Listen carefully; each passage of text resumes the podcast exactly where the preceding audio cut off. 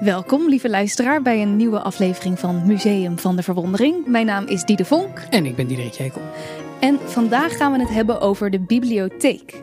We worden zometeen bijgestaan door Herman Voogd. Hij is hoofd collectiebeheer wetenschap.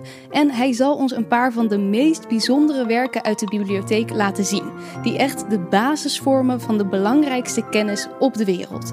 En die ook laten zien hoe die kennis zich ontwikkelde eigenlijk wat het leuke denk ik van deze aflevering is, is dat dit allemaal dingen zijn waar je misschien niet zo snel zou terechtkomen als je gewoon het museum gaat bezoeken. Dit zijn eigenlijk een beetje de, de geheime dingen, maar er zitten hier dus boeken in die gewoon bijna freaking 600 jaar oud zijn.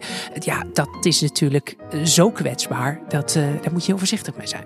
Ja, eigenlijk uh, net zo bijzonder als die Michelangelo die we hebben mogen zien en uh, bijna aanraken. Zo bijzonder zijn die boeken, omdat ze al zo oud zijn. Ik moet je eerlijk zeggen, we gaan straks naar een, een, boek kijken. En dat staat voor mij zo bovenaan dat hele verlichtingsideaal. Dat vind ik zo'n vet boek. Dat het mij meer kippenvel geeft nog dan de, de hand van God van Michelangelo. Oh, oké. Ja, ik drop het hier gewoon even. Absoluut. ik ben heel benieuwd. Was jij als uh, klein jongetje een lezer? Ik denk het haast wel.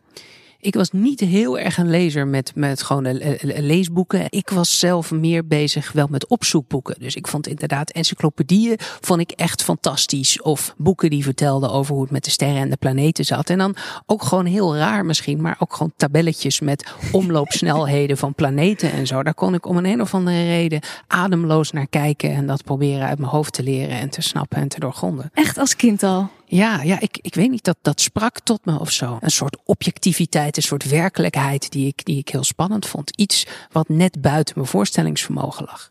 En wij staan op dit moment boven op de balustrade rondom de ovale zaal. Want de bibliotheek is hier dus niet één plek, maar wordt verdeeld over drie plekken samen. Hoe zit dat precies? Nou, dit, dit is dus de, de bibliotheek. En, ja. en dat is natuurlijk een beetje raar, want er is niet echt een de bibliotheek. Er zijn allerlei uh, plekken. Maar op het moment dat je, uh, als je naar Tylers gaat, je zit in de ovale zaal, dan kan je naar boven kijken en dan zie je dus die prachtige omloop. Daarboven zie je dan weer uh, allerlei kasten staan met een soort kippengaas ervoor. En daarachter prachtige groene maree-zijde gordijntjes. En achter die gordijntjes, daar liggen dus allemaal boeken.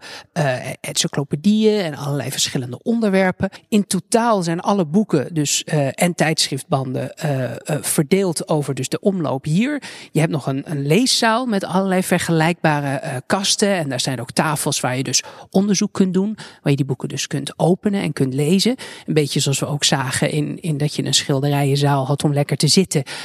maar ook een plek om het echt te bekijken en, en eventueel onderzoek te doen. Het lastige is dat die boeken dus heel erg kwetsbaar en breekbaar zijn. Dus je kunt er wel naartoe, maar alleen onder begeleiding met een rondleiding of zo. Uh, je kan er niet zomaar zo makkelijk rondstruinen. Dan hebben we ook nog de, de opkamer. En, en dat is echt een, een, een filmset, letterlijk en figuurlijk. Uh, er zijn een aantal films opgenomen, maar dat is echt een soort bibliotheek waarvan je, van je hoopt dat het ooit in je leven één keertje je kantoor zou mogen zijn. Zeg ja. maar. Met, met de mooiste boekenverzamelingen. Het, het ademt geschiedenis, het ademt kennis. Het is echt een plek waar de kennis van de wereld bij elkaar kwam.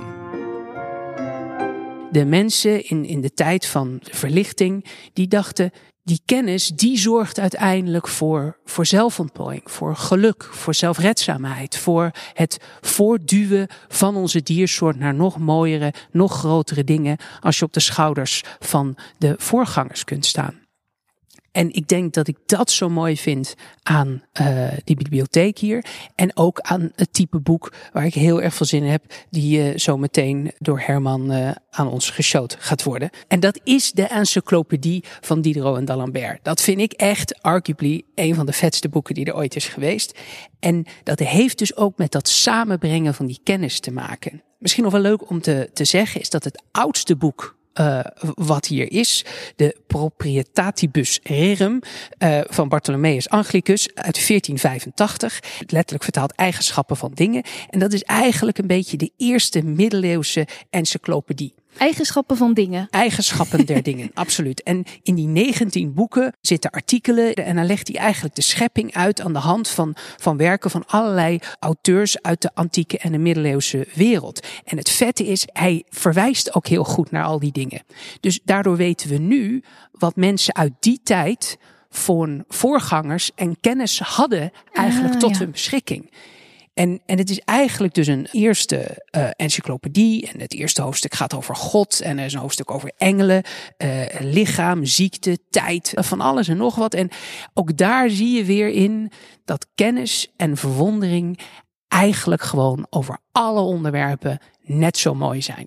Je moet alleen er nog achter komen op welk moment eh, het nuttig is. Maar elke kennis zelf, die heeft een soort intrinsieke schoonheid. Ja, dat is wel, wel inderdaad het mooie aan een encyclopedie, dat je dan alles bij elkaar hebt. Maar is het niet ook een gevaar dat als jouw voorganger dan eh, iets heeft opgeschreven wat eigenlijk niet klopt, dat we dat dan nog honderden jaren meenemen? Zeker. Nou ja, een van de oudste eh encyclopedieën die er waren, in ieder geval in, in onze kant van de wereld. Ik bedoel, eh, er was ver voor eh, de geboorte van, van Christus hebben we een, een Babylonische eh, encyclopedie is er geweest van 24 kleitabletten. Dat is echt een paar eeuwen voor Christus al. En eh, we hadden de, de Chinese Eria, geen idee of ik het goed uitspreek. Dat was echt een soort uitgebreid woordenboek.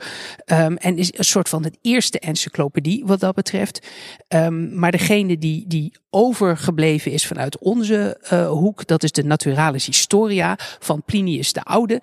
Ehm, en dat was een Romeins staatsman en die leefde die, eh, ongeveer een eeuw voor Christus. En die had 37 hoofdstukken over natuurgeschiedenis, architectuur, eh, geneeskunde.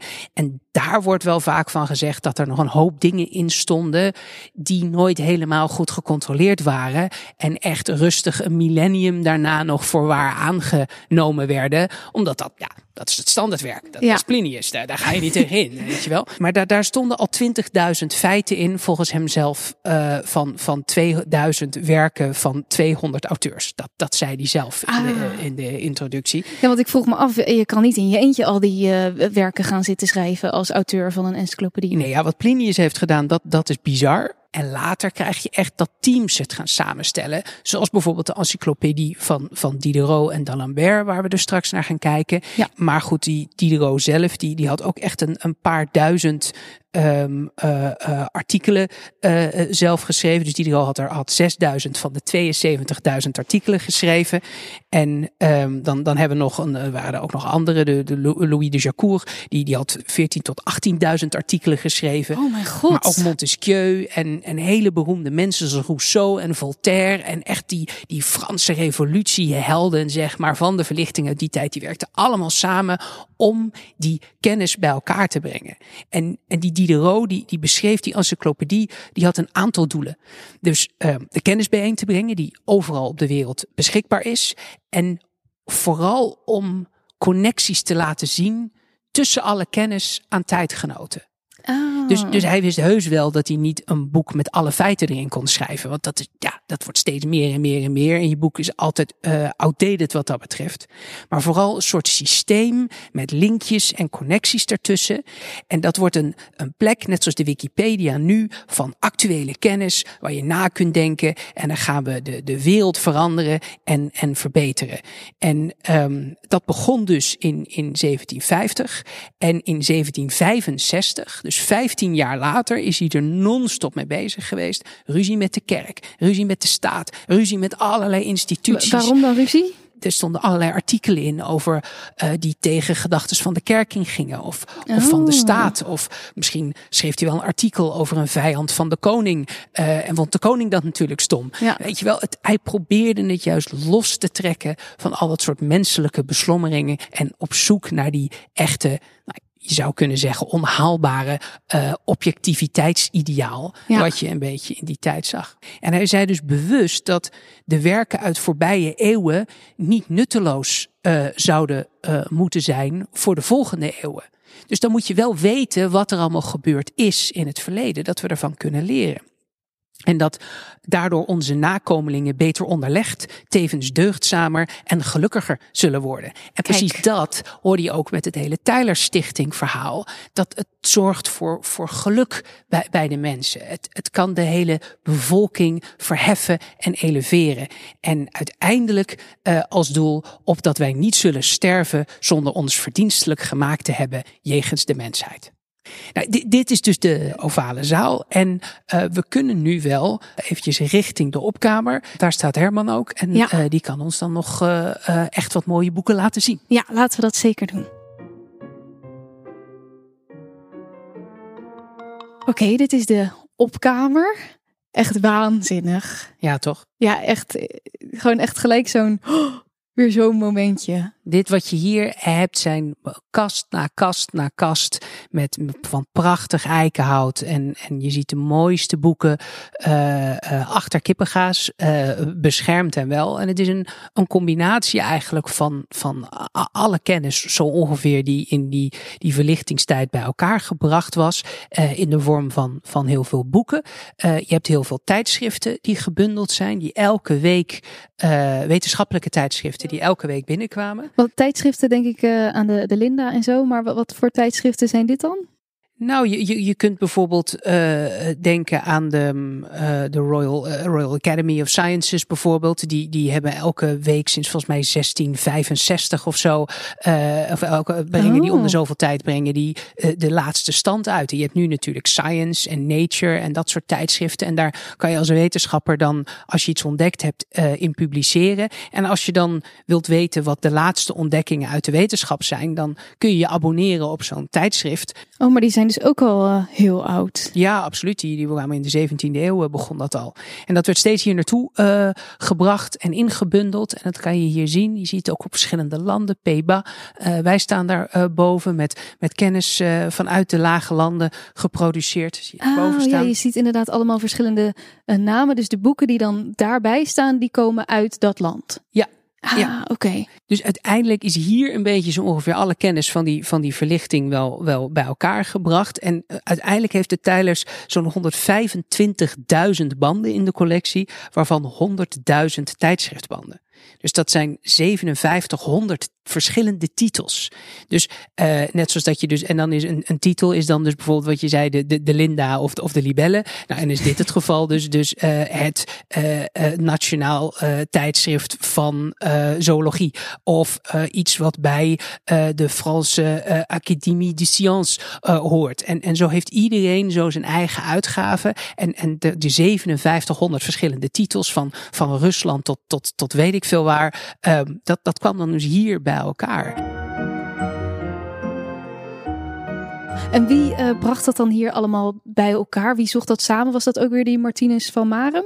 Ja, dat, dat was die eerste. Die, die, die, begon daarmee om de, die, die collectie uh, uh, steeds groter te maken. En de, de eerste aankoop daarvan, uh, daar, daar had ik het dus al een beetje over met mijn, met mijn nerdy gestuiter.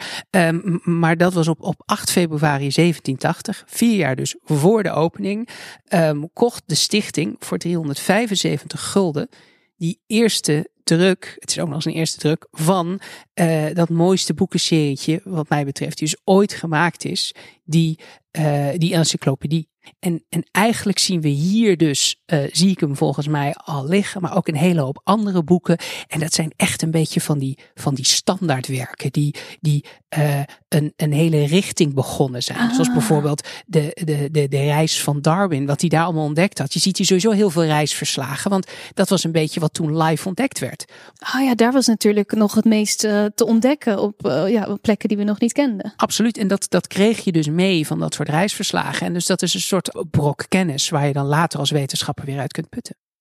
Je zei het net al, uh, de, de, er liggen hier al een heel mooi aantal boeken. Herman heeft er al een paar voor ons opengelegd. Um, laten we even naar dat, dat favoriete boek van jou toe gaan. En ook even naar Herman, want die staat hier naast ons. Ja. Herman, leuk dat je, dat je er bent. Nou, ik vind het leuk om te doen. Nou, heel fijn. Uh, heel fijn dat je ons wat meer wil vertellen over al die bijzondere stukken die er zijn. Of nou ja, we kunnen ze helaas niet allemaal bespreken. Dat zou uh, veel worden. Maar we mogen er een paar met jou bespreken. Um, voordat we naar dat boek gaan, kan je mij nog even iets vertellen over wat voor ruimte dit precies is? Waar zijn we? Ja, Nou, het is de opkamer van de bibliotheek. Het is al gezegd met een mooie galerij. Uh, het is uh, gebouwd uh, in 1885, dus 100 jaar na de ovale zaal eigenlijk. Hè. Mm -hmm. was ruimtegebrek. En toen is eigenlijk de voorkant aan het Spaarne is gebouwd. Dat doen ze ook het nieuwe museum. En daar was de opkamer een, een deel van. Uh, toen konden die boeken dus ook, kregen meer ruimte. Uh, hier in de opkamer kan je nog steeds zien uh, waar het over gaat. Dus je ziet daar in de hoek de ichthyologie. Dat gaat ook, daar, daar staan ook allemaal vissenboeken. Oh ja, dat is de, de vissenleer. Ja, de ornithologie, allemaal vogelboeken. En de insecten, de entomologie zitten daar. Nou ja, het is, het is een prachtige zaal. Iedereen is altijd, wat jullie ook hadden, dat ja. heb ik al heel vaak meegemaakt. Dat mensen helemaal van een beetje van een stuk zijn. Heb je dat zelf ook nog als je daar binnen ja, loopt? Ja, ik ben zelf eigenlijk nog steeds zeer. Ja, je bent hier zo prettig. Uh, het is om hier te zijn. Dat, dat klopt, ja. Dus dat blijft wel uh, bijzonder. Dat, ja. Het heeft een beetje een soort kerkelijk gevoel. Dat op het moment dat je op vakantie in een kerk bent, of, of zelfs ja. als je gewoon naar een kerk gaat natuurlijk, maar op het moment dat je binnenkomt, gebeurt er iets speciaals. Ik weet niet wat sommige ruimtes kunnen dat hebben. Ja. En dat heeft deze ruimte ook absoluut. En uh, wat doe jij precies in Tylers Museum? Ik werk er al lang, sinds 1992. Toen ben ik geboren. Ja. Mijn hele leven al. Ja, ongelooflijk ook. Begonnen als uh, hoofdbedrijfsvoering. En um, dat deed de zakelijke kant, zeg maar, de rechterhand van de directeur. En zo'n zes jaar geleden kon ik een carrière switch maken. Dat werkte ik ook wel erg lang. Uh, richting een beetje de inhoud. Hè? Want ik ben niet de conservator, maar de beheerder van de collectie. Uh, dat wil zeggen dat alle boeken hier zijn geregistreerd. Maar ook de fossielen, ook de instrumenten hebben een nummer. Ja, het is een beetje, het zijn niet heel erg sexy is het natuurlijk, maar ik, uh, ik vind het zelf heel erg leuk dat dat in orde is. Hè. En wat, wat doe je dan als je dat beheert? Jij... Nou ja, alles staat in een um, uh, database, mm -hmm. die heet Adlib. Het is een internationaal uh, programma wat meerdere musea hanteren. En daar staat dus het nummer in. Waar kan je het vinden? Uh, de documentatie, daar zijn we ook heel erg mee bezig. Uh, is het op, staat het op zijn plek?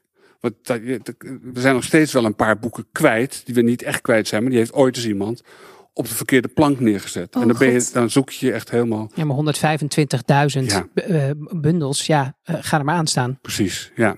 En die liefde voor, voor boeken, en zat dat bij jou er altijd al in? Ja, boeken, maar ik, ik heb bijvoorbeeld ook die fossielen, dat vind ik ook geweldig. En de mineralen, nu ben ik daar ook veel meer mee bezig. Om die mineralen een plek te geven. Uh, omdat daar ook etiketjes bij horen, handgeschreven. Die, die zijn uit elkaar geraakt, dus die, als beheerder is het, jou, is het onze taak uh, om dat weer bij elkaar te brengen. En dan ben jij uh, Ben ik helemaal blij, ja. maar dat zijn niet zomaar etiketjes. Sommige zijn, komt van Goethe, dat is duidelijk. Dat heeft, uh, van Marem als eerste directeur heeft dat bij hem gekocht. Mm -hmm. En Van Marem in zijn handschrift heeft dan gezegd van Goethe. Dus dat is prachtig. Kijk, en dan over de boeken die ja, hier liggen. Het gaat over de boeken, niet over de mineralen. Ook hartstikke leuk. Ja, maar een, een, etiketje van Van Marem van, van Goethe, dat, dat is in zichzelf een soort adembenemende sexyheid van dingen die bij elkaar komen. En als ja. je nou van hardlopen houdt, weet je wel, de schoenen van Usain Bolt uh, of, of het handschoentje van Michael Jackson. Op het moment dat die dingen bij elkaar komen, die, ik snap wel die, dat... Ik snap hem helemaal. Ik snap nou, helemaal de stuit. Voor jullie is de sexiness helemaal aanwezig. Ja, ja, ja. Nou, dan dus dat boek. De, ja, de Diderot d'Alembert. We gaan iets dichterbij staan. En dan zie je een, een gravure. Um, het, is, het is gelijk het, het eerste deel van de in totaal 35 delen met alle supplementen.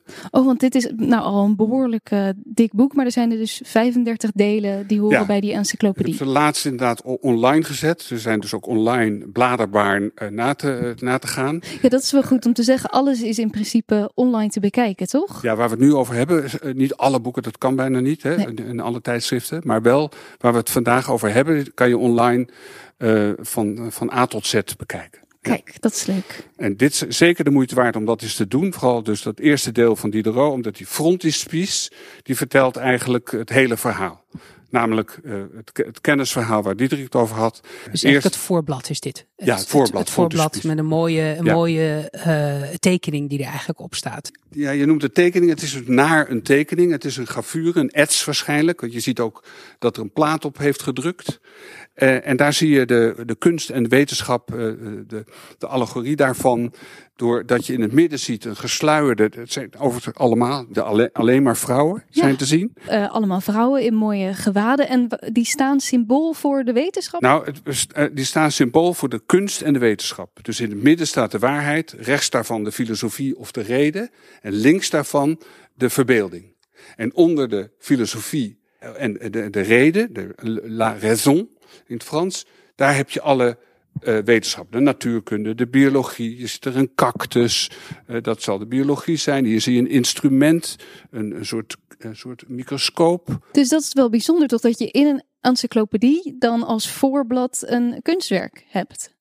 Ja, het bijzondere is dat die, die combinatie ook van, van kunst en wetenschap wordt gemaakt. Ja. Want aan die andere kant, daar zie je bijvoorbeeld theater, uh, muziek, muziek een, een luid een harp. Maar dit is eigenlijk ook een soort symbool voor Tylers Museum en dat hier dat allemaal samenkomt. Ja, daarom is het beste om Tyler uit te leggen, is deze plaat. Ja. Conservatoren deden dat ook altijd. Van hier moet je zijn, hier zie je waar het hier om gaat. Dus eigenlijk het ontdekken, het, het verder komen. Het is ook, het is ook het, wat bovenaan is een soort, bijna een soort hemelpoort. Die, die verlichting, het, het licht dat erbij komt. En daar staat dan inderdaad de, de, de, de wetenschap en de kunst en alles bij elkaar, door elkaar heen, uh, gestoeld op elkaar, verstrengeld met elkaar in een soort hemelachtige omgeving. Het, het, het is wat dat betreft het, het ideaal verpakt in een gravure aan het begin van die deel na deel na deel met kennis van Diderot d'Alembert.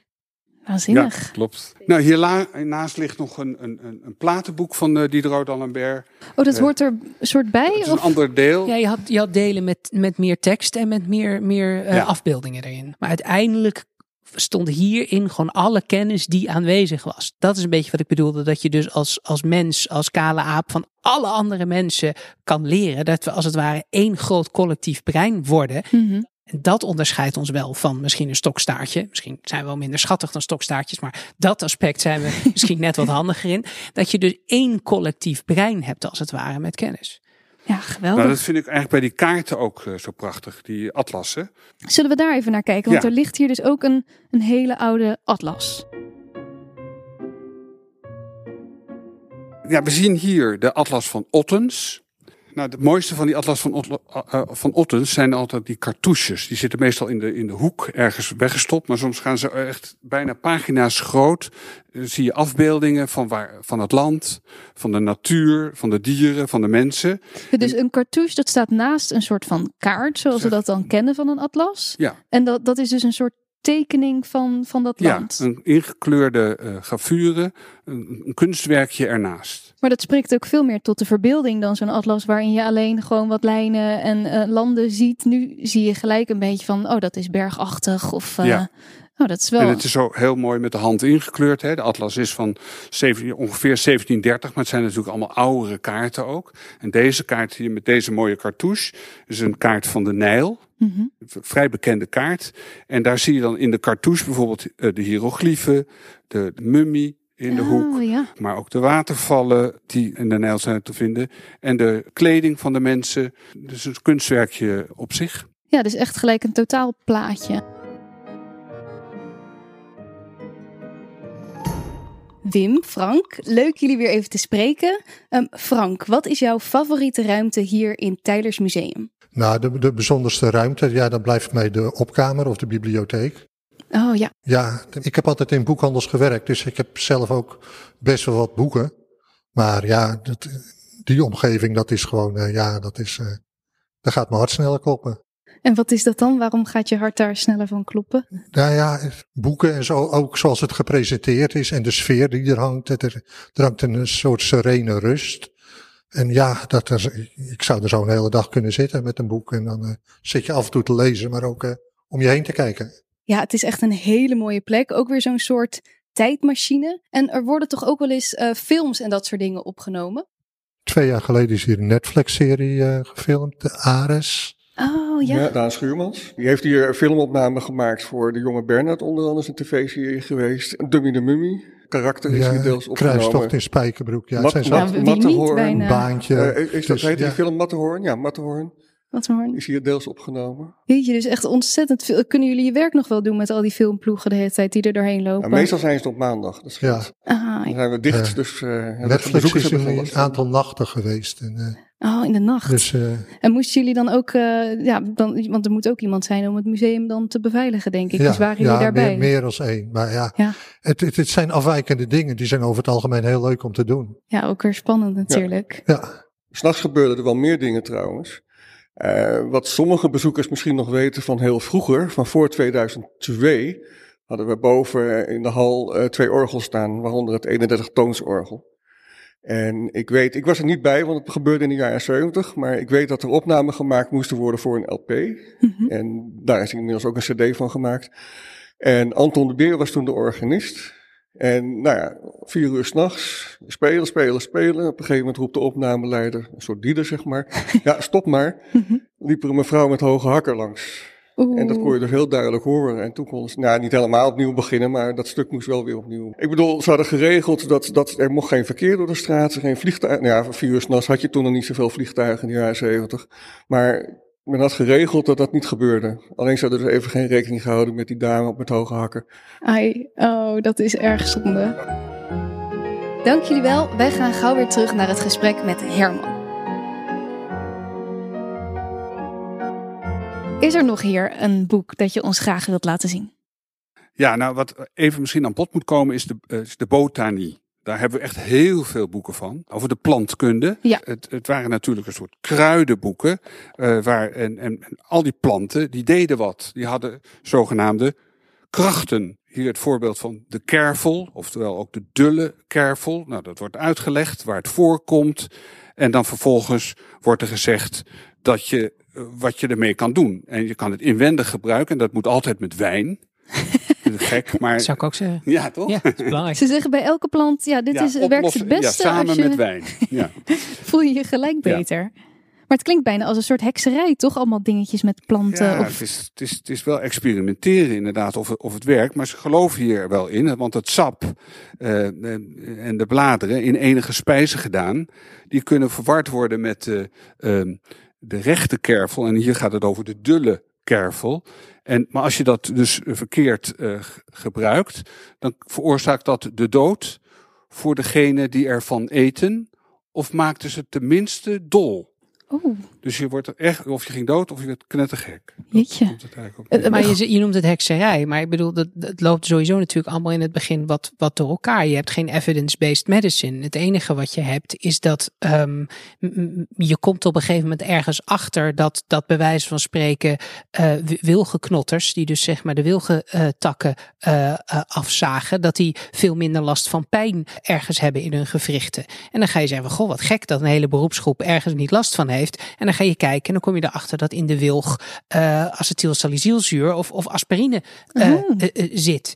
Dus je, je komt er op zo'n manier achter dat dat gebeurt. En dan denk je, oké, dus kennelijk is er iets geneeskrachtigs of iets, iets, iets bijzonders aan die wilgeteen. Geen idee hoe het in, een, in, een, in het lichaam werkt. M maar dat is natuurlijk het idee van ook van shamanisme en allerlei natuurgeneeskrachtige en druïden en weet ik veel. En die tak van het, klinkt, ja, het klinkt als hekserij. Het, ja, dat loopt allemaal een beetje door elkaar. Wat is medisch? Ja, wat zeker is toen. plantenkunde? En dat wordt hier eigenlijk in deze tijd voor het eerst een beetje uit elkaar getrokken en over nagedacht. Ja, we kunnen hier nog heel erg veel bespreken, denk ik. Er is ook gewoon uh, zoveel waanzinnig moois hier. Maar ik denk dat het goed is om even naar de volgende ruimte te gaan. Uh, dat is de leeszaal, klopt ja, dat? de leeszaal, ja, okay. van de bibliotheek. Je En daar- nu wel heel eventjes het reisverslag van Darwin over. Dat wil ik wel even Oh, ja. genoemd hebben. Ik, ik, ja, het, het Ja, doet maar je dan lopen we daar nog even naartoe, toch? Doe me helemaal niet. we hebben het over, over Darwin. Holy hell. Nee, ja, nee, het is Ja, prima. Darwin is natuurlijk wel al goed aan bod gekomen bij de fossielen. Ah joh, Darwin Schmarwin. Nee, is prima. Nou, vooruit, uh, toch nog even naar Darwin. Nee, Diederik, je hebt helemaal gelijk. Dit moeten we echt nog even bespreken.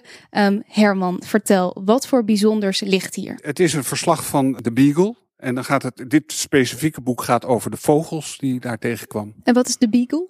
Beagle is de, bo de boot. Je ziet hem hier toevallig ook staan op de kastje van Boudewijn Bug. Om dat ook dan maar even aan te tippen. Oh ja, er staat hier inderdaad in uh, de opkamer een kastje van Boudewijn Bug. Met ja, allemaal... Uh, ken allemaal je, ken je Boudewijn Bug? Heb je Boudewijn ja, Bug al wel eens meegemaakt? Zeker, Uh, ja, ja, ja, ja. Ja, tegen jonge kinderen zeg ik ja, de Floortje Dessing van vroeger. Ja, ik wist dus niet dat hij ook een reispersoon was. Dat hij ook inderdaad veel reist. Ik ken hem vooral van de Kleine Blonde Dood. Ja. ja. Zijn boek. Snap ik. Zijn bekendste boek. Maar hij was ook groot fan van Tylers Museum volgens mij. Een heel groot fan. Maar hij stierf te jong. En uh, toen vrienden hebben gezegd, er moet toch een deel ook naar, het museum, naar een museum. Want anders uh, vergeten we de man gewoon. En een deel van zijn verzameling. Verzameling, want hij was een enorme verzamelaar. Hij had zelfs zijn huis zo ingedeeld, ook met de, de verdieping die je hier ziet. En hij had zoveel, je kon er bijna niet meer lopen. Het is bijna een hoorder. Oh, je, ja. Je kon er niet meer lopen. En als hij iets uh, wou opzoeken, dan kocht hij het boek opnieuw, want hij kon het niet meer vinden. En sowieso een dodo-fetish en een Goethe-fetish in ja. ieder geval. Dodo-fetish. Ja, inderdaad. Er staan heel veel kleine schattige dodootjes. Napoleon staat er ook. Goethe, daaronder ligt de, de Farbenleer, het boekje van de Farbenleren van Goethe. De, de kleurenleer. Ja. Maar jullie vroegen de, uh, Darwin voer natuurlijk met het schip de Beagle. En uh, Boudewijn heeft in Mauritius laten maken, toen hij daar op reis was, uh, door handwerkers, die kopie van de Beagle. En die staat op zijn kastje. Ah, en dat boek van de Beagle, wat hij dus met dat schip, welke reizen die heeft gemaakt en wat hij daar heeft ontdekt. Uh, dat staat hier, als ik het goed begrijp. Ja, het is het reisverslag. Dus, dus wat, wat Darwin, die, die, zat, die is op een gegeven moment natuurlijk, de heeft hij bedacht dat uh, diersoorten uh, eigenlijk ontstaan door natuurlijke selectie en steeds andere eigenschappen. En dat, dat doe je door steeds net andere vogelsoorten op andere plekken te vinden. Dat je denkt, joh, die lijken toch wel heel erg op elkaar. Die hebben wel iets met elkaar te maken, maar net weer anders. Wanneer begint een soort, wanneer eindigt een soort. En dat heeft hij op de, de, de reizen met de Beagle uh, is hij daar geprobeerd achter te komen. En dit is dus eigenlijk het reisverslag. En met prachtige platen van, van de vogelsoorten die hij zag. Want het is natuurlijk ook zo dat je, kon niet een camera meenemen of een podcast set of, of wat dan ook. Dus als je het mee wilde, terug wilde nemen naar de Royal Academy of de Nederlandse Academie der Wetenschappen of naar de, uh, weet ik veel, als je die kennis wil verdelen of wil, uh, wil rondbrengen naar andere wetenschappers, dan moest je dat op zo'n manier doen. En dat deed hij dus met zo'n verslag. En dat je dat dus daar dan ziet, zijn tekeningen. Ja, dat, dat, daar gaat man, daar krijg ik wel kippenvel van. Want dat is de hele tak van de biologie. Uh, dat is daar een beetje begonnen. Uh, is het uh, voldoende de Darwin benoemd? Didi, ik wil dat jij ook een beetje, zeg maar, aangaat over dingen natuurlijk. Dat, dat jij ook denkt, oh wauw, dat is vet. Waar word jij hier, wat, van alle dingen die je vandaag zag, waar, waar, waar jij nog het meeste van, van aan? Of heb je... Voor mij is het gewoon het geheel van deze enorme bibliotheek. En inderdaad gewoon het gevoel als je binnenkomt dat al die kennis hier ligt. Ja, en toch ook wel heel erg dat die wetenschap en kunst zo samenkomen. Want dat heb ik in mijn hoofd mijn hele leven wel echt losgekoppeld. En dat ik dan hier, hier een, een hele oude encyclopedie zie die begint met gewoon echt een, een prachtige gravure met allemaal mooie vrouwen en symbolen over wetenschap en, en kunst en uh, theater en alles bij elkaar. Ja, daar word ik toch wel blij van. Nou ja, en inderdaad, precies daarop doorlopend. Als je zegt van goh, eigenlijk is het meer een soort hekserij. Dat, dat je dus ook daar ziet dat dus alchemie en, en hekserij, wetenschap, kruidenleer, dat het allemaal, het, het is eigenlijk wat, wat dat betreft nog één soort mistige vlek. Ja. En langzaam de, de kennis. En langzaam maar zeker proberen die mensen steeds stukjes mist weg te halen. En dan kom je erachter, oh nee, dat is echt een ander stukje dan dat. En je ziet hier dus wat dat betreft dat we met z'n allen een beetje uit die mist langzaam maar zeker naar boven zijn gekomen.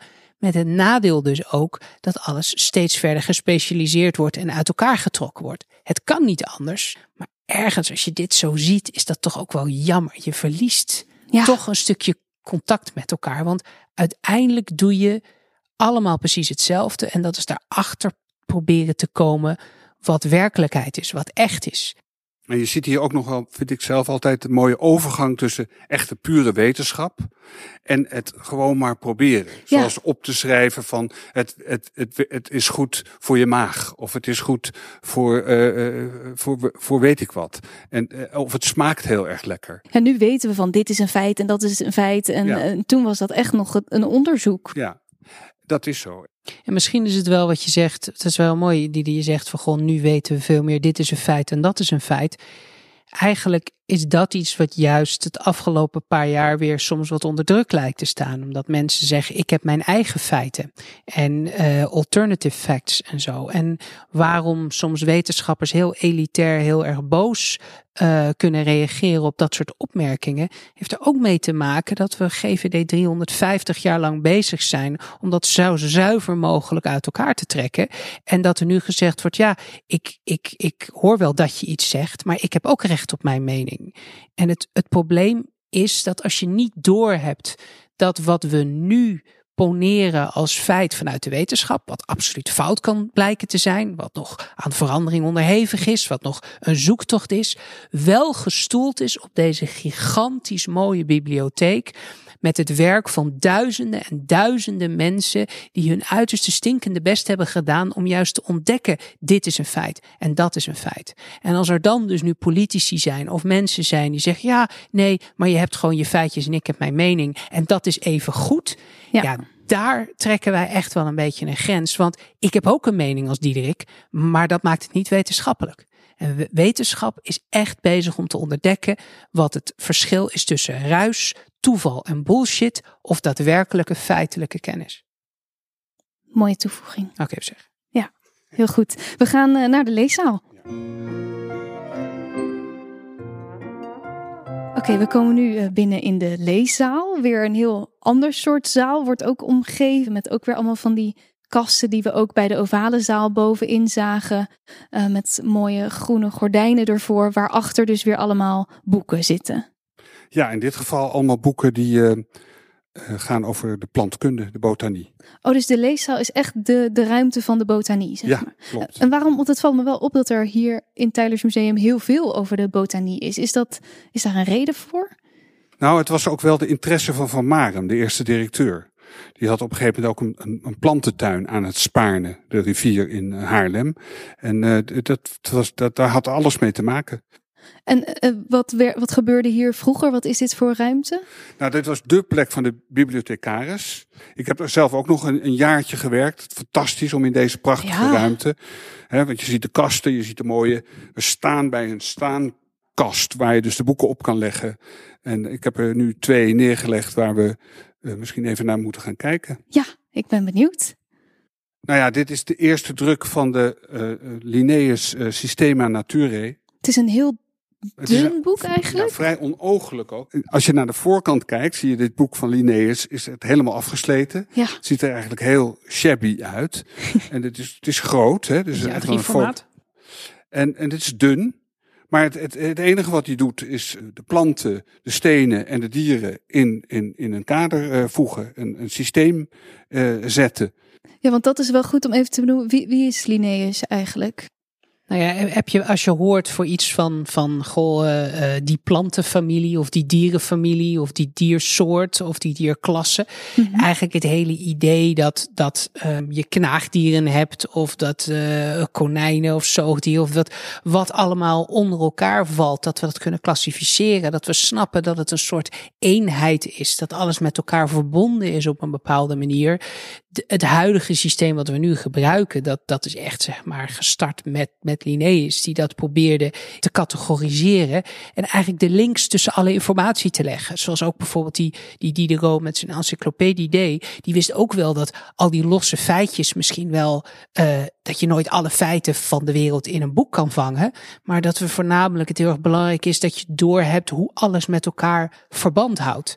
En dat zie je zeker met Linnaeus hier, hier echt prachtig terugkomen. En dit is ook echt zo'n boek, net zoals, zoals Darwin of een boek van Newton. Dit is een soort standaardwerk in, uh, in het vak. Ja, nou, mooi, ik vind altijd mooi dat hij, met de, als het gaat om de pagina met de, de, de dieren, dat er bovenin staat toch de homo, de mens. Oh. En dat is toch voor 1735 is dat vrij snel uh, dat hij dat door had. Bij de, de, de quadrupedia, de, de vier uitsteekseligen. hoorde de mens. Hoorde de mens toch ja, ook. Want we hoorden inderdaad bij uh, de aflevering over fossielen dat eigenlijk het, uh, nou ja, de mens was dan het evenbeeld gods. Dus dat werd eigenlijk niet per se als een dier gezien, nee, toch? Precies, ja. En ik zie hier ook een groepje met dieren staan en die heten de Paradoxa. Wat is dat? Dat, dat zijn het, toch de dieren waar hij over twijfelde, maar toch even moeten noemen. En daar staat dan bijvoorbeeld bij ook bijvoorbeeld de, de pelikaan, maar oké. Maar dan ook de phoenix Oh, of de draco. de draco. Dus de, de draak gewoon. Ja, Oh, dat waren dieren waar hij dan wel van had gehoord, maar niet zeker wist of het echt Ja. was. en die, die fantasie, ah, wat wij nu fantasiedieren eh, noemen, die kwamen toch ook al wel in andere boeken die wij in de collectie hebben. Bijvoorbeeld Aldrovandi, dat ken je vast ook wel. Dat is geweldige monsterboeken met, met de raarste draken en Oh. andere soorten dieren en geschubte monniken en dat soort. En die worden dan steeds weer geko- gekopieerd en die komen dan in andere boeken, komen die dan wel weer terug. Mhm. En zo langzamerhand komen men er dus achter. Men heeft dat allemaal van horen zeggen en dan, dan blijkbaar. En dan gaat men het opschrijven ook. Ja, zoals we op het begin zeiden, je neemt over wat je voorganger zei misschien. En dan eh, blijkt dat eigenlijk dat, dat die wezens helemaal niet bestonden een Ja. paar jaar later. Dat en het is nog best lastig om te bewijzen dat iets niet bestaat. Ik bedoel, ja. dat, dat is bijna een soort filosofisch ding. Hoe bewijs je dat iets perfect veilig is of dat iets niet bestaat? Dat, dat is eigenlijk in de wetenschap heel erg lastig. En, en zeker in die tijd, ik bedoel, het is 200, 300 jaar geleden. Ja, misschien waren er wel, wel draken, je hoort er zoveel over. Ik bedoel, we houden nog steeds niet op over het monster van Loch Ness of de verschrikkelijke sneeuwman. Eh, dus, dus wat dat betreft hebben we daar nu ook nog steeds last van. Ja, en het is ook wel grappig dat dat dan toch, blijkbaar zijn dat dan toch verhalen die, die, die mensen van elkaar horen en weer overnemen. En ja, je weet, je wist gewoon nog niet of het echt was of niet. We hebben ook een boek, daar, daar staat allemaal plaatjes van draken in de Alpen. Oh, Op hoge, grote hoogte kwam de draak dan voor. Voor een, voor een koudbloedig beest is dat best wel heftig. Ja. hoog in de bergen. Oh, maar die stonden er dus ook in. En, en verder was het vooral een, een naslagwerk dus over, ja, hoe delen we de dieren in. Ja, Mochten er drakenfans luisteren, ik zei koudbloedig. Ik weet eigenlijk niet of ze koudbloedig zijn of niet. Nee, nee, nee. Ik weet niet, want ze maken ook wel vuur. Dus ik, ik weet niet exact hoe de drakenbiologie werkt. Maar ja, dat kunnen mensen vast wel opsturen. Eh, ja, dat moeten we inderdaad even factchecken. Dus eh, luister je dit en mocht je het weten, eh, laat het ons weer even weten. en hiernaast ligt dan de Temple of Flora van, bij, door meneer Thornton. Ja. En die, eh, dat is een van de, eigenlijk een van de mooiste botanische boeken. Kijk, hier toevallig Ach, sla ik hem nu open voor de tulp. Oei, oei, oei, Oh, oei. Eh, de tulp komt oorspronkelijk uit Turkije, maar hier zie je in het landschap achter de tulpen zie je duidelijk Nederlands. Hè? Molentje, zo'n Nederlands dorpje zie je. Ehm, en, maar waarom kom ik nou bij dit boek? Ik blader even verder. Helemaal aan het eind, daar zie je Linnaeus staan. Oh, Eh, dat is een- hem. Dat is hem in een laps kostuum. Dus een soort bruin-achtig klederdracht. Kostuum uit Lapland. uit Lapland. Ja, precies. Ja, Ja. Laps. eh, ja.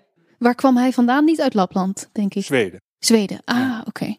Niet zo ver weg. Kijk, dan hebben we ook een beetje een, eh, een- beeld bij, bij de man. Nou, en tenslotte, eh, dan eindigt het ook. Het is toch een wetenschappelijk boek. Ze halen die belangrijke wetenschapper Linnaeus aan. Maar het eindigt dan ook weer met poëzie. Oh, Voor elke bloem, in dit keer de, bijvoorbeeld hier voor de krokus, wordt in het Engels een, een gedicht eh, geschreven. kan, kan je een klein stukje, een paar zinnetjes voorlezen? Ja, in mijn beste Engels. ehm, over de krokus. Say, what impels amidst surrounding snow concealed the crocus, yellow but to blow? Say what retards amidst the, the summer blaze the autumnal bulb till pale declining days. Geweldig. Mooi. Het ruimt in ieder geval heel prachtig. Prachtig. Herman, heel erg bedankt. Ik vond het eh, heel erg tof om te horen hoe hier ja, al deze kennis van de wereld samenkwam. Maar hoe er dus ook nog wat eh, paradoxa, fantasie eh, dingen waren waarvan we nog niet helemaal wisten of het nou waar was of niet. Ja, te gek om dat hier te kunnen zien. Te gek man, dank. Ja, Heel Graag cool. gedaan. Heel veel dank. En eh, dus nogmaals, als je het eh, even terug wil bekijken, we zetten alle links in de show notes. En eh, dan kan je ook gewoon alle beelden die wij nu hebben besproken even lekker gaan bekijken. Dus ik zou dat zeker doen. Heel erg bedankt voor het luisteren. Mocht je dit een leuke aflevering vinden, eh, laat het ons dan even weten via de socials van Tylers Museum. Eh, je kunt de podcast een recensie achterlaten. Je kunt me gaan volgen. Daar worden wij allemaal heel erg blij van. Je kunt hem natuurlijk ook delen alle vrienden. Ook nog eens. Opsturen naar anderen. Op een billboard projecteren. Kan van alles. Oh, dat zou helemaal fijn zijn. ja, ja. graag. Mocht je een billboard hebben. Ja. En Diederik, Ja. we we gaan het volgende keer hebben over Lawrence. love it. Ja? Ja, dat, is, totaal. dat is helemaal jouw ding? Ja, Lorenz is een van de grootste wetenschappers die we in Nederland ooit voortgebracht hebben. Gewoon het voorbeeld van Albert Einstein. Ehm, Hij die- was het voorbeeld van Albert Hij was Einstein. het voorbeeld aan. Als je Albert Oeh. Einstein cool vindt, nou, er was één iemand die Albert Einstein cool vond. Dat was gewoon onze Nederlander en denk Anton Lorenz. En die eh, heeft hier 19 jaar lang gewoon een kantoor gehad. En gewerkt. En geleefd. Wow. En daar heeft hij eventjes eh, de Zuiderzee afgesloten. Vanuit Haarlem. nou, het ligt iets genuanceerder. Maar het is wel heel gaaf en heel vet. Daar gaan we het over hebben. Leuk. Ben benieuwd. Tot dan.